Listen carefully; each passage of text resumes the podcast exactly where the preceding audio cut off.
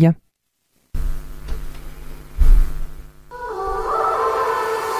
Du lytter til Radio 4. Velkommen til Kranjebrud. I dag med Emma Elisabeth Holtet. Vi nusser og pusser om vores hunde her i Danmark. Men forskerne mener faktisk ikke, at de nødvendigvis har det særlig godt. Tværtimod, for familiehundens liv er ofte præget af urealistiske forventninger og ensomhed, hvilket kan resultere i angst, depression eller aggressiv adfærd over for både mennesker og andre hunde. Så hvad er hundens naturlige behov, og hvad skal vi gøre for at skabe optimale rammer for vores firbenede familiemedlemmers hverdag? Hvad siger loven om farlige raser og grænserne for acceptabel hundeadfærd? Og er det måske i virkeligheden federe at leve som gadehund i lande som Grækenland, end at være kælehund i en dansk kernefamilie? Alt det her og mere til det får vi altså forskernes svar på nu. Velkommen her til dagens Kranjebrud. Du lytter til Radio 4. Og også velkommen til vores to eksperter i studiet i dag. Det er professor i bioetik Peter Sandø, der blandt andet er leder af Center for Forskning i Familiedyrs Velfærd på Københavns Universitet. Peter, velkommen til. Tak skal du have. Eller velkommen tilbage, skal jeg jo sige. Lytterne kender dig også fra vores katteprogrammer. Jo, tak. Ja. Og øh, velkommen også til Iben Meier, der er dyrlæge, Ph.D. i adfærd og adjunkt ved Institut for Veterinær og Husdyrvidenskab, også på Københavns Universitet. Iben, tak fordi du var med. Tak for det, jeg må være her og til dig, der lytter med. Vi sender live i dag, så hvis du har et spørgsmål til Iben og Peter, så skal du bare skrive ind, og det er som altid på 1424. Start sms'en med R4, husk et mellemrum, og så skriver du ellers bare din besked. Og min værtskollega Peter Løde, han står klar ved sms'en til at uh, læse højt. Og lige om lidt, Iben og, og Peter, der skal vi høre mere om jeres forskning, og blandt andet den undersøgelse, I i fællesskab udgav resultaterne af sidste år om netop hundens velfærd, som altså skabte en del røre, må man sige, der, da, da den kom ud. Men inden vi kommer så langt, der vil jeg altså gerne høre jer begge to. Hvorfor er det svært at være hund i dagens Danmark? Peter, vil du lægge for? Jamen, jeg har en liste på fem numre, at mange hunde, og nu skal vi passe på med at generalisere, ja. og også, jeg er helt frisk på nogle sms'er, men vi skal jo gøre klar, at der er en kæmpe spredning i, hvordan folk holder og passer mm. deres hunde, og hvad de ved. Mm. Så ingen generaliserer statements om, at alle hunde har det sådan, og alle hunde er sådan. Ikke for mig. Men der er mange hunde, som er nødt til at være rigtig mange timer alene hjemme, som øh, samtidig, når de så endelig møder mennesker og hunde, så skal de faktisk kunne være totalt på og kunne finde sig i små børn, der hiver i dem og trækker rundt med mm. dem, og skal, skal, skal ud ned i hundeparken og så møde nogle andre hunde, som, fordi det synes ejerne er enormt hyggeligt, de møder hinanden. Som oven i det, så har de så et luksusproblem, som dem, de der gadehunde, du taler om, nok mm. typisk ikke har. De får alt for meget æde. Halvdelen af dem er, er overvægtige, og en del af dem er svært overvægtige. Og så sker der for lidt. De bevæger sig for lidt, de får for lidt kontakt, fordi når folk kommer hjem og er trætte og kaster sig i sofaen, så er det ikke sikkert, at der er tid til at gå to timer med hunden og tage ud og træne med den. Og sidst men ikke mindst, så skal de leve med konsekvenserne af velmente, men ofte katastrofale avlsprogrammer, mm. som vi jo har lavet en anden udsendelse om, mm. øh, at man har dyr, som har stor forekomst af arvelige sygdomme, eller hvor man ligefrem har afledt dem med flade næser, eller på anden måde, så de faktisk har det rigtig svært. Mm. Så de kan simpelthen altså, have kroniske smerter, for eksempel? Ja, eller har kroniske vejrtrækningsproblemer, som næsten ja. er værre. Ja. Altså listen over slemme ting, jeg vil jeg har både mødt mennesker, der har ondt hele tiden, og jeg har mødt mennesker, der ikke kan trække vejret. Jeg vil hellere have mm. ondt hele tiden, end ikke at kunne trække vejret. Ja. Og, og Iben, hvad siger du? Har du noget at tilføje til det? Den lange liste jo allerede, vi hører Peter. Ja, jeg, jeg er meget enig i det, Peter siger. Ja. Og jeg vil sige, jeg tror, der, altså, der er ligesom opstået et clash imellem, hvad hunden er for en størrelse. Hvad er den egentlig lavet til, udviklet til, og så de forventninger, vi har til den. Mm. Øh, og så tror jeg, der er rigtig mange stadigvæk, og jeg er helt enig med Peter i, at der er selvfølgelig rigtig stor forskel på hundeejere. Det er bestemt en meget blandet øh, gruppe. Mm. Men der er stadigvæk mange, som ser hunden som bare en hund, eller sådan en, man lige får, og som glemmer at kigge på, hvad, hvad har den af behov, og hvad er det for et individ, der står over for mig. Mm. Og vi er jo øh, inde på det allerede, kan man sige, men vil I ikke lige sætte et par ord på, hvordan I hver især beskæftiger jer med, med netop hunden i, i jeres forskning? Iben, vil du ikke fortsætte at fortælle? Jamen, jeg har, min, jeg har en baggrund i, at være dyrlæge, og så mm. har jeg arbejdet som adfærdsbehandler en hel del år, og nu er jeg så øh, på Københavns Universitet som forsker, og min forskning handler rigtig meget om adfærdsproblemer. Øh, I særdeleshed, hvordan vi forebygger den bedst muligt, og også behandler dem, når først de er opstået. Så jeg har sådan en ret klinisk, praktisk vinkel på det her med hunde. Mm. Og Peter? Og, og jeg er jo ikke så klog på hunde, som Iben er, fordi jeg er faktisk filosof af uddannelse, er jeg nødt til at deklarere. Ja. Men er enormt god til at arbejde sammen med folk, der er klogere end mig selv. Så jeg har lavet rigtig meget forskning omkring avl af hunde, hvor jeg har nogle dygtige genetikere og avlsfolk, jeg arbejder sammen med. Jeg interesserer mig for menneskers forståelse og relationer til hunde, så jeg har en dygtig sociolog. Jeg skriver artikler sammen, og Iben er også med noget af det, hvor vi undersøger folks, folks holdninger og synspunkter på hunde. Og øh, så arbejder jeg sammen med nogle, der hedder epidemiologer, omkring at forstå hele det der øh, kredsløb af køb af hunde, salg af hunde, hunde på internater, hvad det, hvor, hvor mange er der, hvor, hvor, mm. hvor, hvad sker der med dem? Så, så hele det der, alle de der ting har jeg en interesse i, fordi jeg er sådan et klubende nysgerrig menneske, og så heldig at være professor og kan få skaffet nogle penge, og så få samlet nogle mennesker omkring mig, som er, er klogere end mig, som, hvor vi sammen kan finde ud af noget. Og, og nogle af dem, du har samlet sammen, det er jo blandt andet, altså Iben og dig, I har jo arbejdet øh, sammen flere gange, og der er jo den her rapport, der udkom sidste år, eller den undersøgelse, I lavede, som øh, jeg refererede til lige før. Og altså, den, vi skal jo ind på resultaterne faktisk løbende i løbet af udsendelsen. Det er jo noget af det, vi skal dykke ned i. Men I gik vel basically ud og sagde, de der hunde, I har derhjemme, måske har de det ikke lige så godt, som I, I tror. Altså, hvorfor... Øh, det skabte altså nogle dønninger på en eller anden måde, ikke det her? Jo, det var jo ikke en egentlig undersøgelse, det var sådan en form for review, kan man sige. Ja. Altså et kvalitativt eller mm. diskussionsoplæg, og det, det var sådan, det var præsenteret. Og, og, og opgaven var jo egentlig at hjælpe både ejere og hunde, fordi grundtanken er jo, jeg tror, at de fleste mennesker, der har hunde, vil, vil dem det bedste. Men det er ikke altid, hundene bliver forstået rigtigt, og med hjælp øh, fra Iben og nogle dygtige andre folk, så fik vi sat ord på, hvad, hvad det er for nogle udfordringer, der er. Og målet er ikke at skælde nogen ud, mm. men det er at få skabt en øget opmærksomhed, som kan hjælpe til, at det på længere sigt måske bliver sjovere at være hund og ejer, fordi mm. det er jo da ikke sjovt at have en hund, der mistrives. Så altså, hvor, hvor godt, Peter, tror du, den gennemsnitlige dansker sådan, kender sin hunds behov og begrænsninger? Jeg er nødt til at sige, at der er en kæmpe spredning igen. Ja. Altså, i den ene ende har vi jo mennesker, som går til hundetræning, som starter med at få en valp, så går de til valpetræning, så melder de sig ind i Danmarks Civile Hundeførerforening eller en anden forening, så går de til nosework, de går til foredrag om aftenen og interesserer sig for det. Så der er også en masse brugshundemennesker, som mm. ved rigtig meget om deres hunde. Og så er der en del mennesker, som måske lidt overfladisk kommer ind i det, det ser smart ud, og så kører de en hund, og så opdager de først bagefter, hvad, hvad de har rådet sig ud i, og måske aldrig får komme på højde. Mm. Så der er hele spektret. Mm. Så igen, jeg vil ikke høre noget om, jeg siger, at alle, alle hunde er sådan. Der er et stort spektrum, og, og, ja. og, og sige, helt generelt er der vel en, en større opmærksomhed i vores samfund på, hvad en hund er. Der vil aldrig være så mange hunde, der går til træning og sådan noget, så der er masser af ting, der er, der er godt, mm. men der er altså også nogle rammer, blandt andet det, med de skal være så forfærdeligt mm. meget alene hjemme og at man ikke kan forstyrre på det der avl, som gør, at der er stadig gang grund mm. til at råbe vagt i gevær. Og Iben, hvad med dig? Du arbejder jo netop også blandt andet med det her med adfærden, ikke? Altså, hvor, hvor godt synes du, vi kender vores hunde og, og hvad de kan? Jamen, jeg vil sige, ligesom Peter, der er rigtig mange, der kender dem godt. Øh, og, og jeg tror også, sådan en ting som at gå til hundetræning, og i hvert fald valpetræning, er noget, de fleste efterhånden gør. Øh, og jeg har også været ude for, for ejere, hvor jeg har måttet sige, nu er I simpelthen nødt til at skrue lidt ned for, mm. for mængden af aktivitet, fordi hunden skal også have rigtig meget ro. Øhm, og, og for de mennesker, der handler velfærdsproblemerne måske mest om det her med at, at kende hundens begrænsninger. At det ikke er alle hunde, der har lyst til at hilse på alle andre hunde, og, og nødvendigvis får noget godt ud af at rende i hundepark. Øhm, øhm, sammen med en hel masse fremmede hunde, og at vi også skal øhm, respektere, at de har nogle grænser i forhold til frem, især fremmede mennesker, der måske ikke bare skal komme og kramme hunden på gaden. Mm. Øhm, og så er der og så er der en anden gruppe, som, som Peter også siger, som som har brug for noget mere information. Fordi jeg, jeg er helt sikker på, at der er også undersøgelser, der viser, at hvis folk bliver spurgt, hvis din hund kunne sige noget, hvad vil du så spørge den om? Så vil de fleste spørge den, om den har det godt. Ja. Folk vil gerne have, at deres hund har det godt, så det er også vigtigt at sige, at meget af det her handler ikke om ond vilje. Ej. Det handler simpelthen om måske manglende viden. Mm. Og, og jeg vil sige, at en af grundene til, at vi lavede den undersøgelse, var jo også, at der har været sådan en tendens til at tænke, at vores familiedyr har da ikke nogen velfærdsproblemer. De har det da så godt sammenlignet med for eksempel vores produktionsdyr, mm. som jo i hvert fald også har nogle velfærdsproblemer. Men de har deres egne problemer, og dem skal vi have fokus på. Og, og forhåbentlig, det er jo det, vi vil i dag, gøre lytterne klogere på, hvad deres behov er, men også hvordan man så kan skabe rammerne for, for det gode hundeliv, fordi vi vil jo gerne gøre det godt. Vi elsker jo vores, vores dyr, ikke? Øh, i, altså nu er det her jo, som du siger, øh, noget med, at der måske er noget manglende viden. Der kommer nogle gange nogle adfærdsudfordringer i kraft af de rammer øh, og, og den måde, vi holder hunden på. Så øh, hvad er det for nogle udfordringer, vi typisk ser, de her sådan moderne krav, vi stiller til hunden, mm. de udmyndter sig i?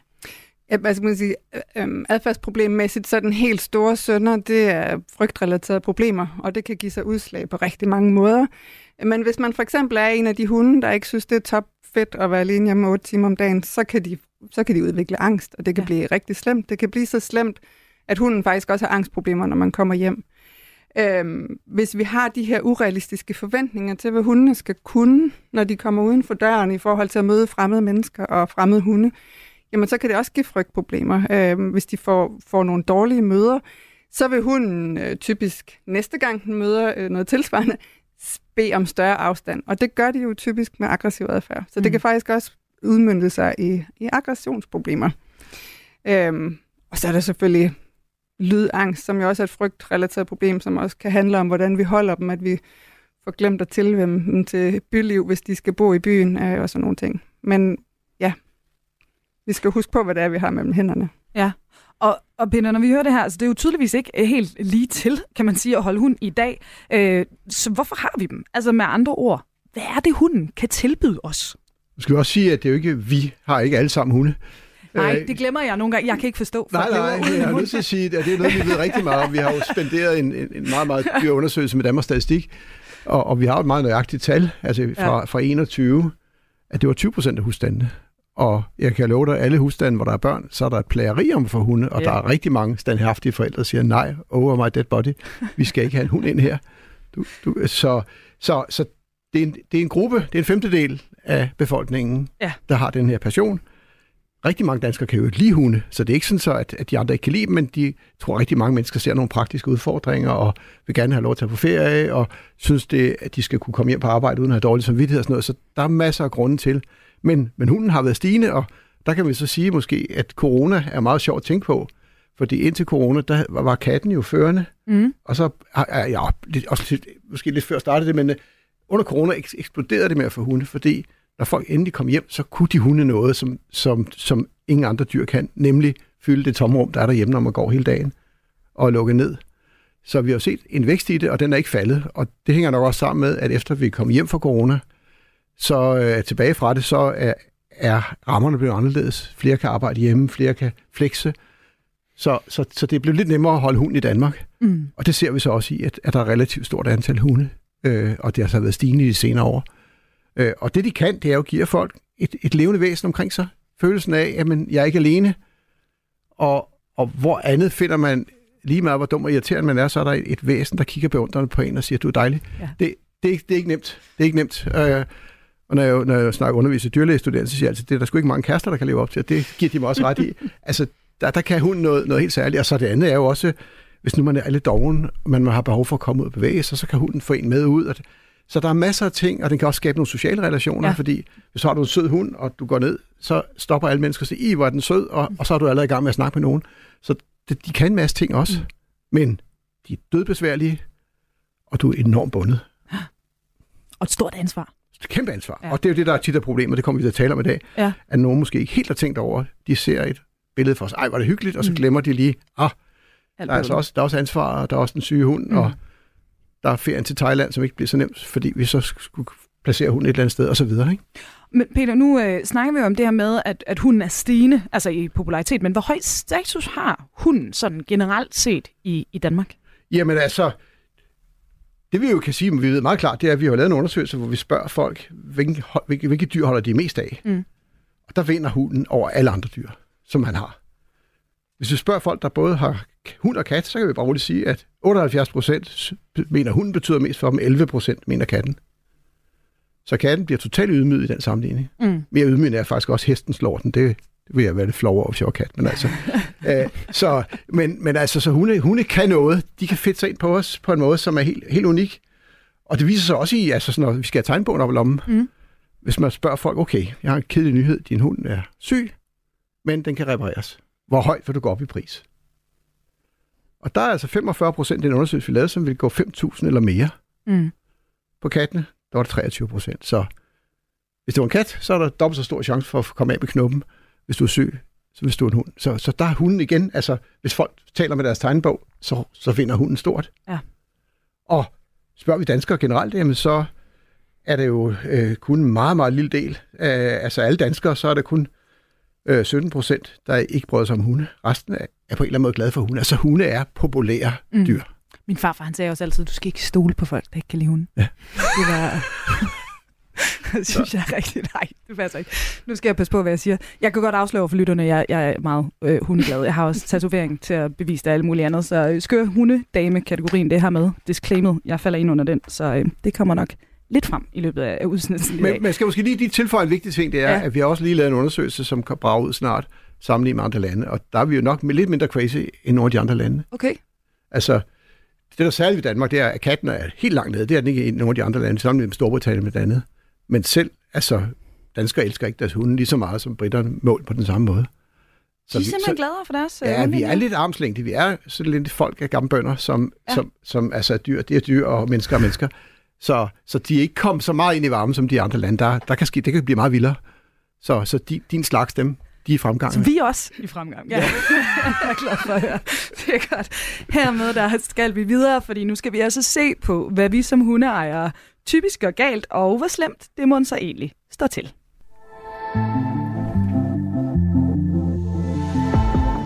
Du lytter til Kranjebrud på Radio 4. Og vi har i dag besøg her i studiet af hele to forskere fra Københavns Universitet. Det er professor i bioetik Peter Sandø og dyrlæge og Ph.D. i adfærd og adjunkt Iben Meier. Og øh, vi sender altså live her i dagens program, hvor vi bliver klogere på, hvorfor familiehunde ikke nødvendigvis har det helt så godt, som vi måske går og tror, og ikke mindst, hvad vi så kan gøre for at skabe et godt hundeliv for dem. Hvis du har et spørgsmål til Iben og Peter, så skal du bare skrive ind, og det er som altid på 1424. Start sms'en med R4, husk et mellemrum, og så skriver du ellers bare din besked. Og øh, Peter, vi- vi kan jo ikke spørge hunde om, hvad der gør dem glade, eller hvad der stresser dem i hverdagen. Så altså, hvordan kvantificerer vi det gode hundeliv? Det har vi jo ikke en enkelt formel på. Men vi har jo sagt en masse indikatorer, altså på, om, om hunden viser tegn på at være tilfreds. Og, og Iben talte før om, om nogle af de der adfærdsproblemer med at være alene hjemme og sådan noget. Altså, der, er- der er en masse røde lamper, der kan, der kan Mm. lyse. Øh, og det andet er, at vi jo også ved lidt om hunden, som... Nu skal vi til at, snart, at snakke om landsbyhunde. Mm. Altså, hunden har eksisteret som, som art i ungefær 15.000 år. Indtil for 100 år siden, så har hovedparten af dem levet i landsbyer. Altså den almindelige måde at leve for en hund, det er, at den lever frit, går rundt blandt andre hunde, hører mere eller mindre til i en eller anden familie, og, og dagen lang, så finder den selv ud af at organisere sit liv. Og det er så gået fra det på meget, meget kort tid til at være spærret inde i et hus eller en lejlighed 12-14 timer om dagen, Mm. og så får den en snor på og får lov at gå halv til en hel time, en time, hvis det er rigtig flot, og, og så får den noget æde, og, og så skal den på en eller anden måde bare sige, nu, nu skal jeg være glad, hold fest, jeg har fået en god tur på en time i dag. Ah, men det normale liv for en hund har jo været hele dagen at gå rundt og så sit, leve sit liv. Ja, og selv få lov til at Selv, udforske. selv, selv at styre, så, og så også skal sige, ja. det der at være et autonomt individ, der sætter sin egen dagsorden, det, det er totalt fuldstændig fra den. Altså den bliver spærret inde, og når den sætter sammen med nogen, så er det en snor, og så, så er det der, den person, dyret i den anden ende af snoret, menneske, der bestemmer, Mm. hvad den skal. Så på den måde, så, så vil sige, der er der nogle udfordringer i forhold til det, hvis vi bare sammenligner hunden med, hvad den er lavet til, hvad dens naturlige adfærd er.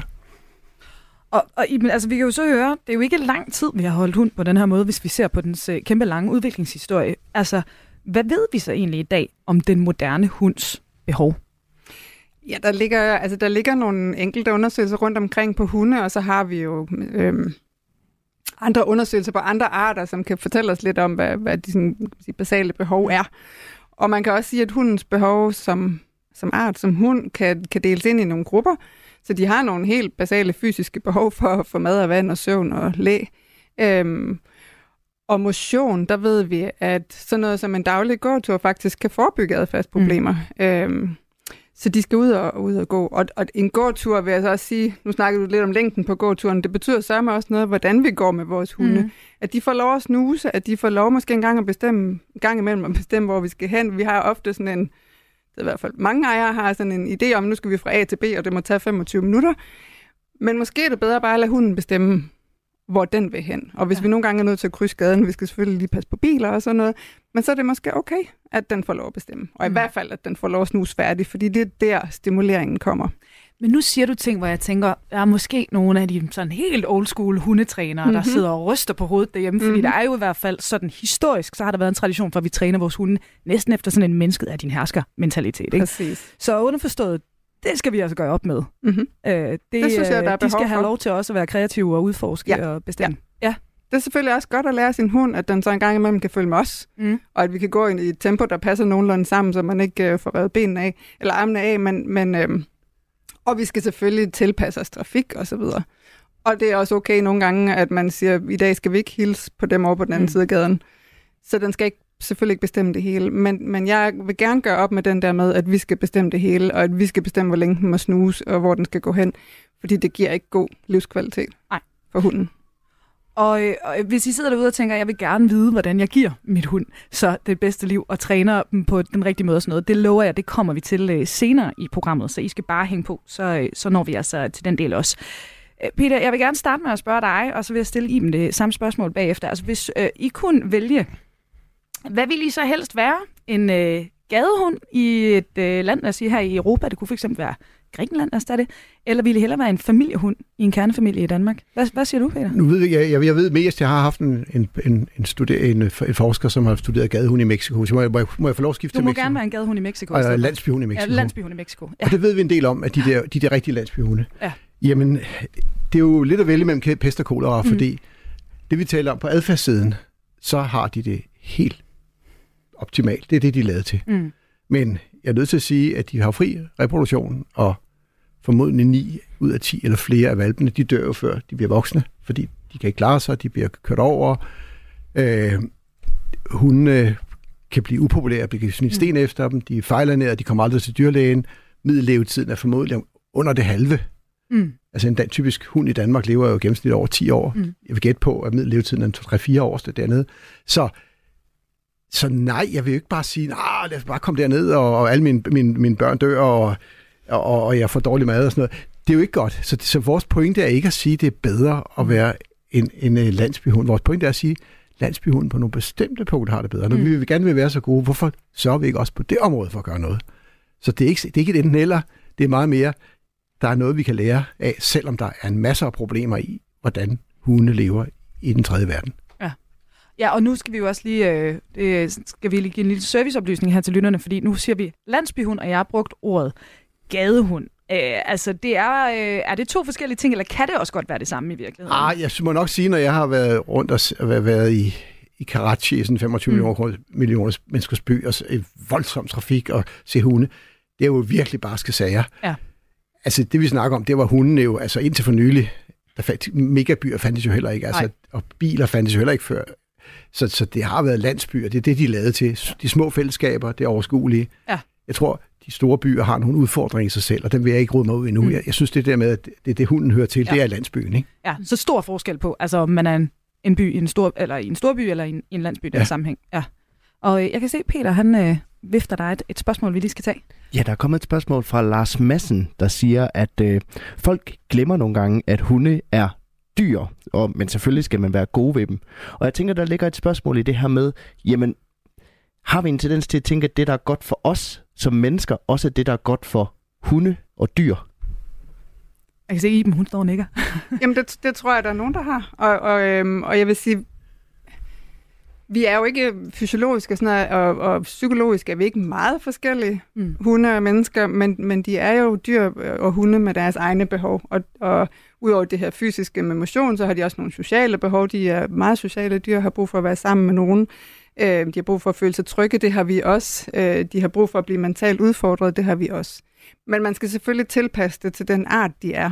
Øhm, og, øhm, og, og sådan noget som, som for eksempel en, en meget dyr, fluffy seng fra et eller andet øh, designermærke, er måske mindre vigtigt for hunden, øh, men det kunne, det kunne vi måske godt se som et behov, at, at det, det her ekstra bløde materiale på den her meget dyre seng kunne være, være noget, der gjorde den glad. Det tror jeg betyder mindre for hunden. Mm. Den vil hellere have en god gåtur og noget social leg og Ja. samvær. Og så, og så er der nogle punkter, hvor, hvor øh, vi har samme behov, og hvor vi undværer os selv, og så fører vi ondskaben over på dyrene. Mm. Ernæring er et eksempel. Ja. Altså, vi er jo en, et befolk, en befolkning af stadig større mennesker, og har en befolkning af stadig større hunde. Og der kan man sige, at den store forskel på mig og min hund, eller nu har jeg ikke nogen hunde, men min, mig og min kones hunde, det jeg kan åbne køleskabet, det kan de ikke. Så, så jeg har et medansvar for at sørge for, selvom jeg måske mm. engang med får lidt for meget foran, så er der jo ingen grund til, at hunden skal have det. Ja. Så, så det er jo også det, jeg tænkte på, jamen okay, det er trods alt en fordel, de har. De kan ikke åbne køleskab, og, og jeg kunne måske være lidt standhaftig, fordi den, de er jo selvfølgelig meget smart til, til at lokke mig til ting, men sige, ej, du skal, du skal leve det sundt liv. Jeg magter det ikke helt selv, men jeg burde kunne magte det for min ja. hund, ikke? Og øh, ja, Iben, du skal have lov til lige at svare på samme spørgsmål, som jeg stillede øh, Peter før. Altså, hvis du kunne vælge, vil du så helst være, nu siger vi landsbyhund i stedet for gadehund, et sted øh, i øh, et andet land, eller, eller familiehund her hjemme i Danmark? Jeg vil godt være familiehund her hjemme i Danmark hos en af de gode familier. Ja. Hvor jeg fik lov at, at, at, at have noget frihed og, og få mine sociale og, og så videre mm. behov opfyldt. Fordi jeg er enig med Peter i, at altså, hvis vores allermest basale behov som mad, øh, sundhed, øh, et sted at finde tryghed ikke bliver opfyldt, så er det meget svært at opnå øh, god livskvalitet. Mm. Så kommer de andre behov til at kan man ligesom, blive overrulet. Altså, vi er nødt til at have de basale behov Mm. opfyldt. Ja, ja, det er jo en sjov diskussion. Jeg var faktisk til en kongres for nylig, hvor jeg hørte en inder, som arbejder i Calcutta, Kolkata, tror jeg det hedder, det, hvis man skal være politisk korrekt, og studerede gadehunde. Hun mente, de havde et fint liv, men samtidig fortalte hun jo om, at 9 ud af 10 af- valpene døde. Mm. Men hun var faktisk en overbevisning, fordi hun så på de hunde Ja. på samme måde, som Rasmus Ejernes vil se på nogle heste ude i Mols eller sådan Og det, noget. hvis lytterne ikke ved det, han er vært på Vildspor på Radio 4. Ja. Øh, ja, ja. Så, så, så der kan også være et andet blik på det, Ja. som også måske er interessant. Det ja. er jo, at, at vi jo ligesom har tænkt hundene ind mm. Mm. i den der sociale tryghed og sikkerhed og stor overlevelse, som jeg, jeg deler. Så jeg er lidt på, Ja. over på dyrlægesiden Ja. i den her diskussion. Men der kunne også være en anden vinkel på det, så Ja. derfor er det nok vigtigt at være klar over, jeg har altså dygtige kolleger, som min gode kollega i Indien, som egentlig synes, at det er helt mærkeligt at skulle synes, det var et problem. Fordi Mm. sådan er det jo i, i naturen, og sådan er det også i, i, i junglen i Kolkata. Ja, og jeg, altså, jeg bliver nødt til, altså, at nu skal lige apropos det her med ikke at sige, at øh, fordi jeg tænker sådan her, så vil en hund jo nødvendigvis også øh, gøre det. Men der er der noget i det der med, hvis der var nogen, der penslede to liv ud for, for mig, ikke? hvor de sagde, det ene, at du vil være øh, godt nok i et trygt og varmt miljø og have adgang til medicin og livsforlængende det ene og det andet, men du vil være isoleret helt alene det meste af dagen, uden form for nogen øh, stimulans. Du kan ikke selv bestemme, om du får børn. Du kan ikke selv gå ud og finde en øh, partner. Du vil endda øh, formentlig blive øh, påvirket hormonelt på den ene eller anden måde, om det så er kastration eller noget Men du andet. bliver 120 år. Men du bliver 120 år. Du bliver 120 år, og du får lov til at ligge i sofaen. Er det ikke et fedt liv? Altså, jeg er ikke sikker på, at jeg ikke vil vælge det frie liv. Altså, øh, Mm. men, øh, men det er jo, vi kan jo aldrig sætte os ind i hovedet på en, på en hund, vel? Mm. Men det er en svær diskussion, altså. Mhm, mhm. Øh, og der er jo ikke noget nemt øh, svar på det, øh, men øh, I har altså kommet frem Men, men til... jeg synes, jo- jeg synes stadigvæk så, at der er jo den store forskel, Ja. ja. at hunde er jo ikke familiemennesker, som vi er. Nej. Altså, når en hund har er noget valpe, noget vist alder, så derfor de af. Mm. Og mens Iben og jeg, vi har jo relationer til vores børn forhåbentlig al, al vores tid. Ja. Så, så, så, så, på den måde er der også noget, det er svært at sammenligne. Ja. Og, og, og man kan sige, det der er særligt ved hunden, det er jo, at det er det eneste dyreart, jeg kender, som er mere afhængig af et andet dyr, nemlig mennesket, Mm. end den er af sine artsfælder. Mm. Mm. Så og det er dens niche, og det skal man også forstå, at det, der er allervigtigst, det er den relation til mennesket og de muligheder. Det er også derfor, det Iben, Iben snakker om Mm. separationsangst, så er det jo fordi, at vi fratager dem den allervigtigste ressource, nemlig at være sammen med sin ejer. Ja. Og det er jo faktisk noget, man tit hører hundeejere sige, men den ligger jo bare og sover, når jeg er på arbejde. Men det er jo så måske ikke rigtigt, hvis øh, de giver angst. Nej, og- det er der selvfølgelig en stor andel af hunden. De kan, de kan godt lære, mange Mm. hunde kan mm. godt lære at have det ok med at være alene. Jeg plejer at sige, at de vil helst være sammen. Mm. Og så er der en anden del, som, som ikke kan klare 8-10 timer, som måske godt kan klare lidt mindre. Mm. Og så er der dem, som bare simpelthen ikke kan lide at være adskilt. Og, der, og det kan se meget forskelligt ud, det her separationsangst. Og det kan være, at de bare ligger i sofaen, men hvis de ligger vågne i sofaen og stiger på døren i otte timer, så vil jeg våge at påstå, at så er de ikke glade. Nu snakker vi om det her med, hvordan ser man, at en hund er glad. Det, det kan selvfølgelig godt være svært at se, men, men hvis ikke den hviler, mm. hvis ikke den spiser, hvis ikke den virker afslappet, så har den det ikke, typisk ikke godt. Nej. Og så, er der så, så kan det jo variere alt. Så kan det, de kan splitte tingene ad, de kan forsøge at komme ud gennem øh, dø- dørkarme og vinduesrammer. De kan blive urenlige, men det allermest almindelige problem er, at de vokaliserer, altså at de gør, gør hyler, tuder, enten hele tiden eller i perioder, mens de er alene. Mm. Mm. Og det er hjerteskærende at høre på. Og som I beskriver i jeres undersøgelse, det kan altså godt være, at det ikke er super fedt at leve som landsbyhund, men der er nogle ting i deres tilværelse, som vi kan lære, og det er altså dem, vi vil dele med jer senere i udsendelsen, så vi kan lave optimale rammer for, for vores hunde herhjemme. Nu skal vi videre, men husk, hvis du har et spørgsmål eller en kommentar, så send en sms på 1424, start med R4, husk et mellemrum, og så skriver du ellers bare din besked. Nu skal vi altså til næste stop her i dagens undersøgelse af hundens velfærd, for nu skal vi blive klogere på de love, der gælder hunde, og hvorvidt de egentlig fungerer hensigtsmæssigt.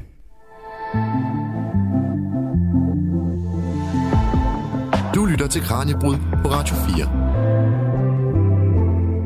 Og vores eksperter i dag, det er dyrlæge, Ph.D. i adfærd og adjunkt i Meyer og professor i bioetik, Peter Sandø.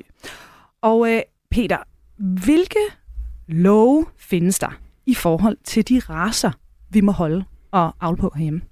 Ja, der er jo, hvis det drejer sig om raser, så er der jo kun to begrænsninger. Der er en gruppe øh, hunde, der anses som farlige. Mm. Amstaff, pitbuller og nogle lidt eksotiske hyrdehunde og sådan noget, som men det er pr- primært amstaff og pitbuller, som du ikke må have. Mm. Og så må du, så vidt mig bekendt, må du heller ikke have hu- hunde, ulve, hybrider. Mm. Men ellers er der, er der fri leje. Så den, den, den lov handler jo ikke om at beskytte hundene, den handler om at beskytte os. Det er de, de hunde, der anses for farlige, dem har vi forbudt. Mm. Men de hunde, som i virkeligheden ikke egner sig til at leve, fordi de er usunde, Mm. dem er der ikke lagt nogen regler for forløbet i Danmark. Og det er der jo altså i mange af vores nabolande, ikke? De har begrænsninger på for eksempel om nogle kortsnodede øh, hunderaser osv. Som, Altså øh, det, det mest almindelige, øh, det er, at der i hvert fald er en paragraf i dyrevelfærdsloven, Mm. der siger, at man kan ikke, må ikke have hunde, som genetisk set er disponeret for sygdomme og problemer. Ja. Og det, jeg skal sige, bare sige, det har jeg faktisk siddet i et udvalg og skrevet til ministeren, og vi lavede et fint forarbejde. Mm. Og nu står det i dyrevelfærdsloven, det kan ministeren vælge at indføre, men det har ministeren ikke valgt at gøre. Så må jeg sige, Danmark, der på den måde, der er fra politisk side hans offer. Jeg tror, det hænger sammen med, at politikere er så bange for at blive set som at være blandet sig i privatlivet. Og det er det der sjove, at lige snart det er familiedyr, så bliver det set som en del af privatlivet, og det skal Mm. man blande sig udenom. Men det er jo egentlig helt forkert, fordi der er der nogle kæmpe problemer, som man kunne vælge at gøre noget ved, Mm. mm. og i hvert fald markere tydeligt, hvor grænserne går. Mm. Mm. Det har der Norge og Sverige gjort, det har Tyskland gjort, det har, har Nederlandene gjort, Mm. mm. det har Storbritannien gjort. Vi har ingenting gjort. Så der er altså frit spil, hvad angår avlen, undtagen de her farlige øh, raser i... Øh, Ja, øh, Kun, øh, hvis de så længe de ikke, farlige, ikke anses for at være farlige for Ja. os, så, så er der fri leg. Der er jo til gengæld ikke fri leg, når det kommer til hundenes opførsel. Her Mm. er der jo rent faktisk nogle begrænsninger og, og nogle lov, der gælder sig i dem.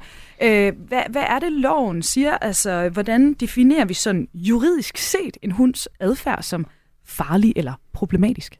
Ja, det er jo så uafhængigt af resten, men at, at hunde, som har forvoldt skade, eller som skaber frygt, står det i loven, øhm, de kan få nogle påbud Mm. fra politiets side, og det kan være sådan noget som mundkur, de skal føres i snor altid, og de skal holdes bag et vist størrelse hegn og sådan nogle ting. Øhm, og så har vi så har vi den her omstridte skambidslov, eller skambidsparagraf, som siger, at hvis en hund øh, har gennem øh, overfald eller anden uacceptabel adfærd har bidt et andet væsen øh, med en kraft, hvor, det, man sige, hvor skaden er stor og kan betegnes som skambid, og der er nogle definitioner af, hvor dybt det er, og hvor mange sår der Mm. skal være, så skal den aflives. Mm.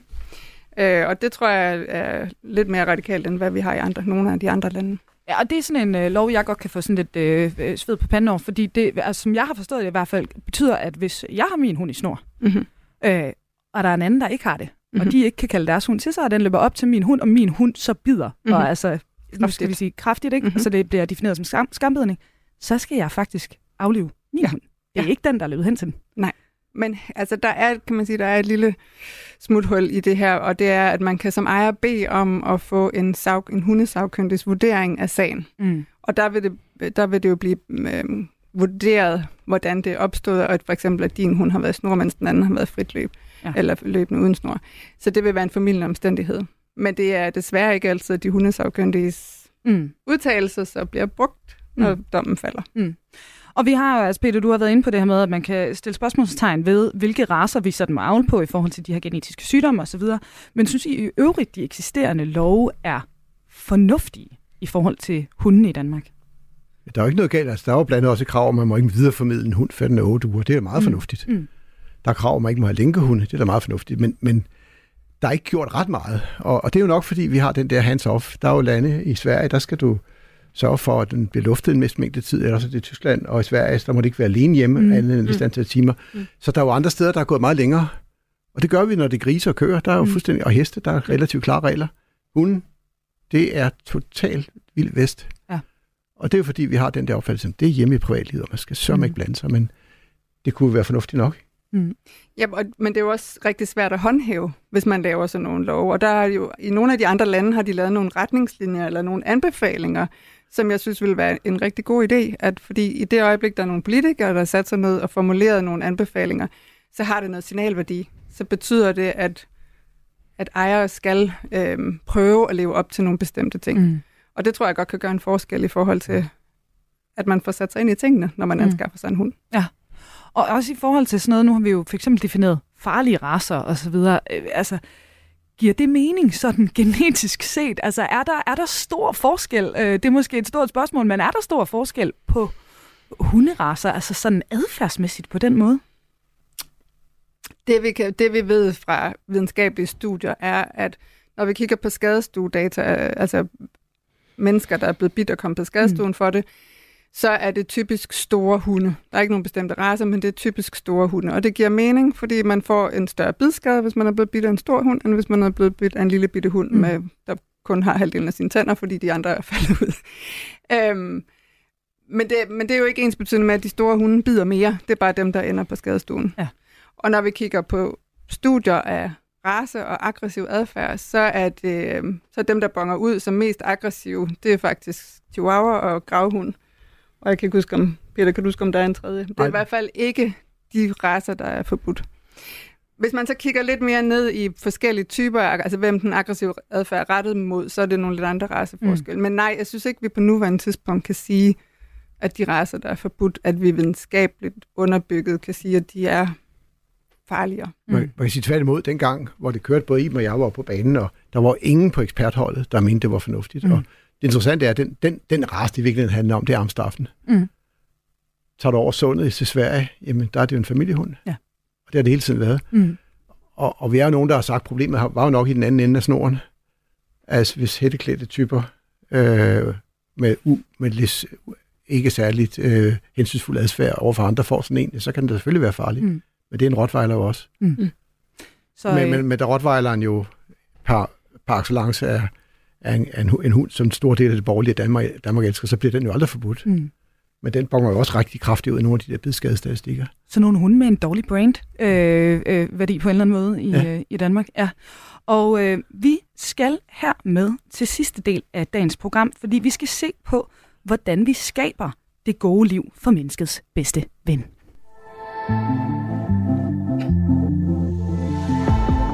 Du lytter til Kranjebrud på Radio 4.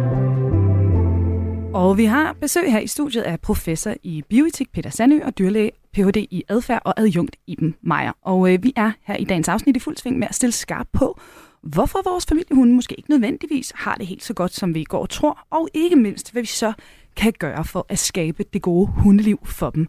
Og øh, Peter, er der øh, kommet et spørgsmål ind, vi lige skal tage fat i? Ja, der er kommet et spørgsmål fra Inge, der netop spørger ind til det her med, hvordan man skaber de bedste forhold for ens egen hund. Fordi hun skriver, at jeg bor i eget hus med en grund på fire- øh, 1460 kvadratmeter. Hvis grunden bliver hegnet ind, og hunden kunne være ude hele dagen, mens jeg er på arbejde, vil det så være et okay hundeliv? Det var et meget konkret spørgsmål. Det var et meget konkret. Ja. Der var et kvadratmeter angivelse ja. også.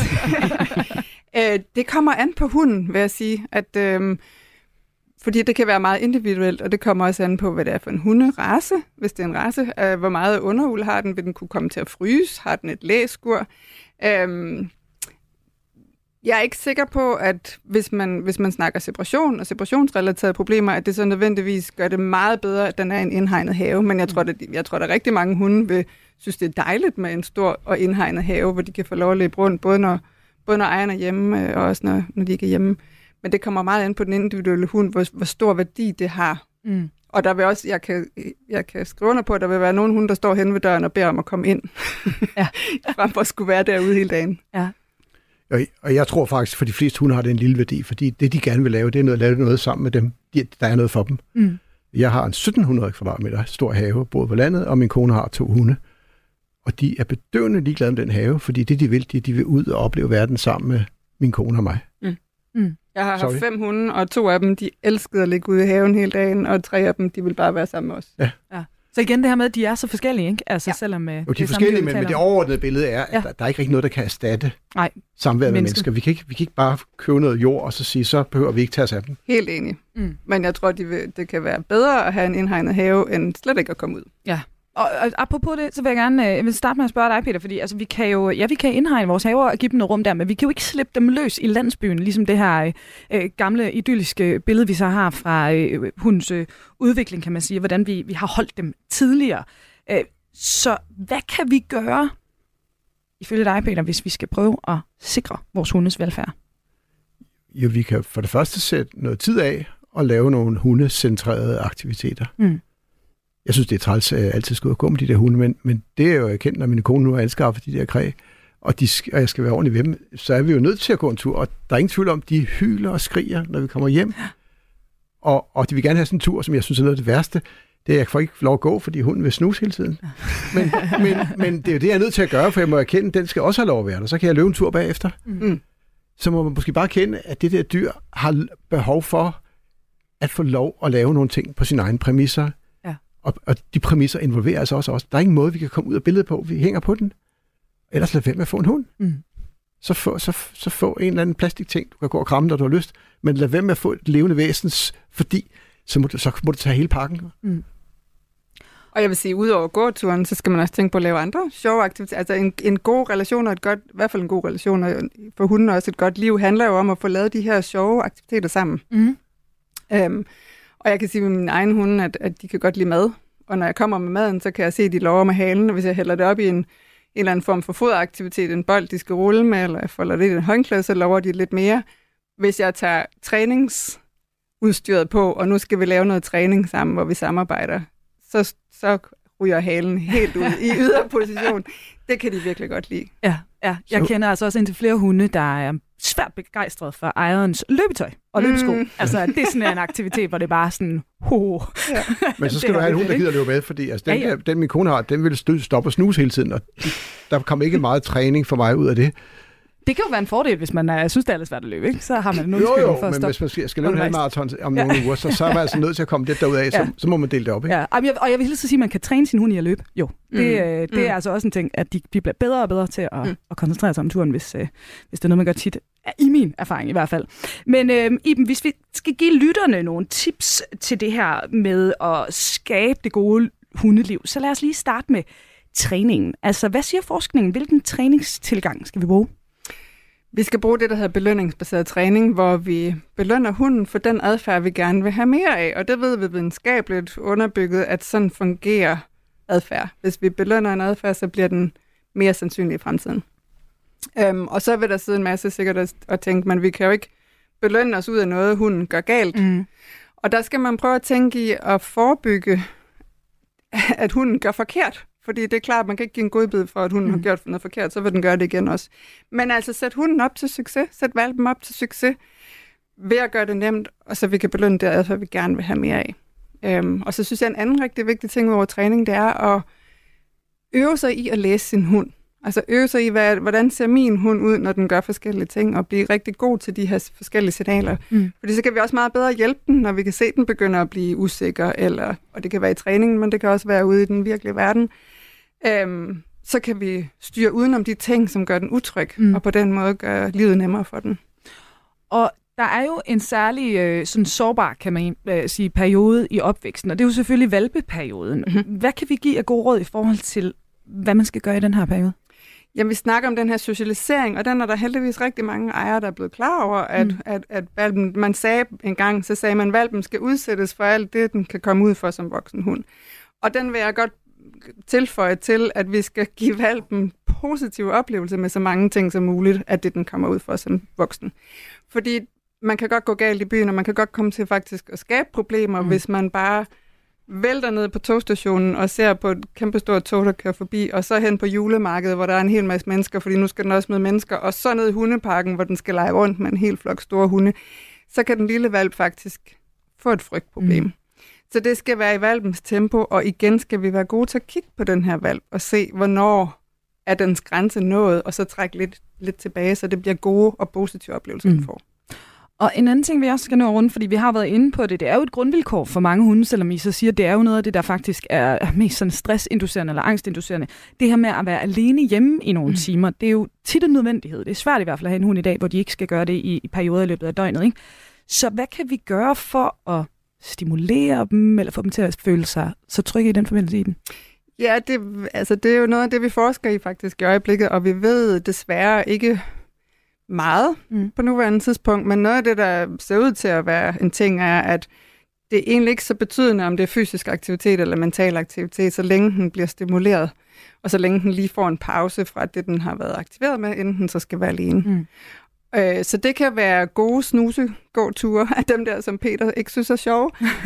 eller det kan være øh, træning med hunden, eller lege, eller at den skal løse en eller anden form for opgave, hvor den skal finde noget foder, for eksempel. Og så, så viser forskningen, at det, der virker allerbedst i forhold til at vende dem til at være mm. alene, det er gradvis tilvænding. Altså simpelthen gå meget mere langsomt frem, end folk nogle gange tror. Mm. Og nu er det jo ikke alle, der har plads til det, eller ressourcer til det, men hvad med at have to hund? Altså, giver de hinanden noget, eller er det det her menneske, de så stadig mangler på en eller anden måde? Øh, der vil være nogen hunde, for hvem det er en hjælp, at der er ja. en anden hund, eller et andet dyr. Mm. Det kan også, jeg har også haft øh, klienter, hvor en kat eller sågar en ondulat gjorde en forskel. Øhm, men for de fleste hunde, der synes, det er svært at være alene, så er det adskillelsen fra ejeren, der er svær. Ja. Og så hjælper det faktisk ikke at have en hund mere. Og hvis man anskaffer sig en hund nummer to, fordi ens hund har problemer med at være alene, så risikerer man at ende med at have to hunde med alene hjemmeproblemer. Så, øhm, så det, er ikke, øhm, det er ikke den bedste løsningsmodel. Mm. Medmindre man rigtig gerne vil have to hunde, mm. så skal man selvfølgelig gøre det.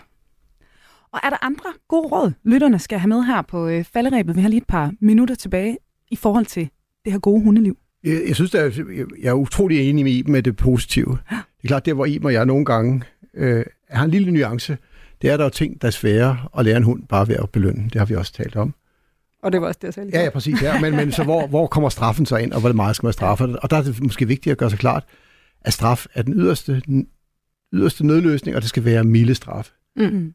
Jeg havde en Grand Danois engang, så, øh, som, og det var, det, var, det var min hund, det var før min, alle hundene blev min kones hunde, og den ramte jeg med hovedet med en avis, det øjeblik, den prøvede at tage noget for, for bordet.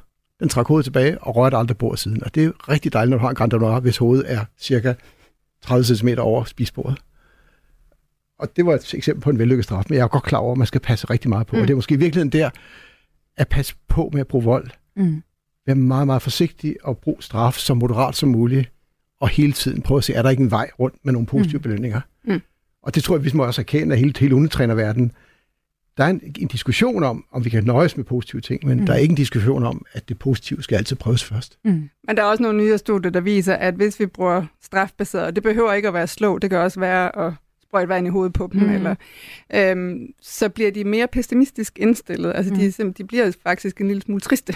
Ja. Og det gælder faktisk også, hvis man bruger det, man kalder blandet træning, altså hvor man både bruger straf og, og belønning. Mm. Så jeg synes, opfordringen herfra skal være at tænke så belønningsbaseret som overhovedet muligt. Mm. Det vi er enige om i diskussionen er, hvad, hvad er muligt, og mm. der, der vil stadig være en lille nuanceforskel med mig og mig. Og det kunne jeg forestille mig noget, øh, hunde kender og hundeejere og hundetrænere bliver ved med at diskutere i lang tid frem, og også forskerne, som vi kan høre her. Øh, det bliver altså her med ordene i den her omgang af Kranjebrud, hvor vi altså er blevet klogere på, hvordan vi kan give menneskets bedste ven det bedst mulige liv. Og tak til forskerne, der har gjort os klogere i dag. Det er professor i bioetik Peter Sandø, der blandt andet er leder af Center for Forskning i Familiedyrs Velfærd på Københavns Universitet, og Iben Meier, der er dyrlæge, Ph.D. i adfærd og adjunkt ved Institut for Veterinær og Husdyrsvidenskab, også på Københavns Universitet. Iben og Peter, tusind tak til jer begge to, fordi I var med her i dag. Det var en fornøjelse. Rigtig hyggeligt. Og hvis du nu vil nørde ned i mere med kæledyr, så har vi altså blandt andet lavet hele to afsnit om katten med Peter sidste år, så det er altså bare med at gå på opdagelse ind i vores programarkiv. Om lidt, der er det tid til nyhederne, og derfor siger vi på genhør her fra Kranjebrud for nu. Vi er tilbage kl. 12.10 på mandag. Indtil da, tak fordi du lytter med. Mit navn det er Emma Elisabeth Holtet. Programmet er som altid produceret af Videnslyd for Radio 4. Og vi runder altså lige af med et lille bid fra en klassiker. Her er det Knacks og går med hunden gennem byen.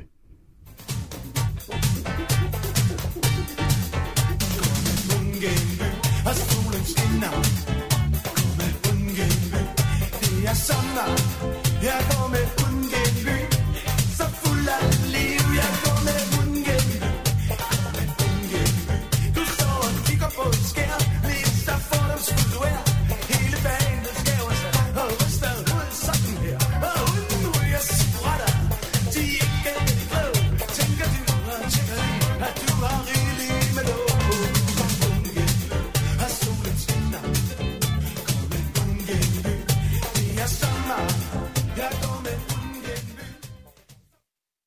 Du har fået til job at synge kor for ABBA. Jeg, jeg var ikke simpelthen ikke klar over, hvor sindssygt det egentlig var. Det var jeg jo ikke. Jeg var jo bare ni år og glad i låget. Musik er en hurtig genvej ind bag facaden. Jeg følte jo, at alle de sange var til mig. Ind bag den offentlige person. Jeg kiggede ind i et mørke. Det er jo der, jeg skal hen. Det er jo der, alt trøst er. I Portrætalbum bruger Anders Bøtter musikken til at vise nye sider af sine gæster. Carmen Køllers uh, Axel Byvang, har han en playliste? Jeg ved ikke, om jeg tør sige det. Det er så pinligt. Blandt andet Backstreet Boys.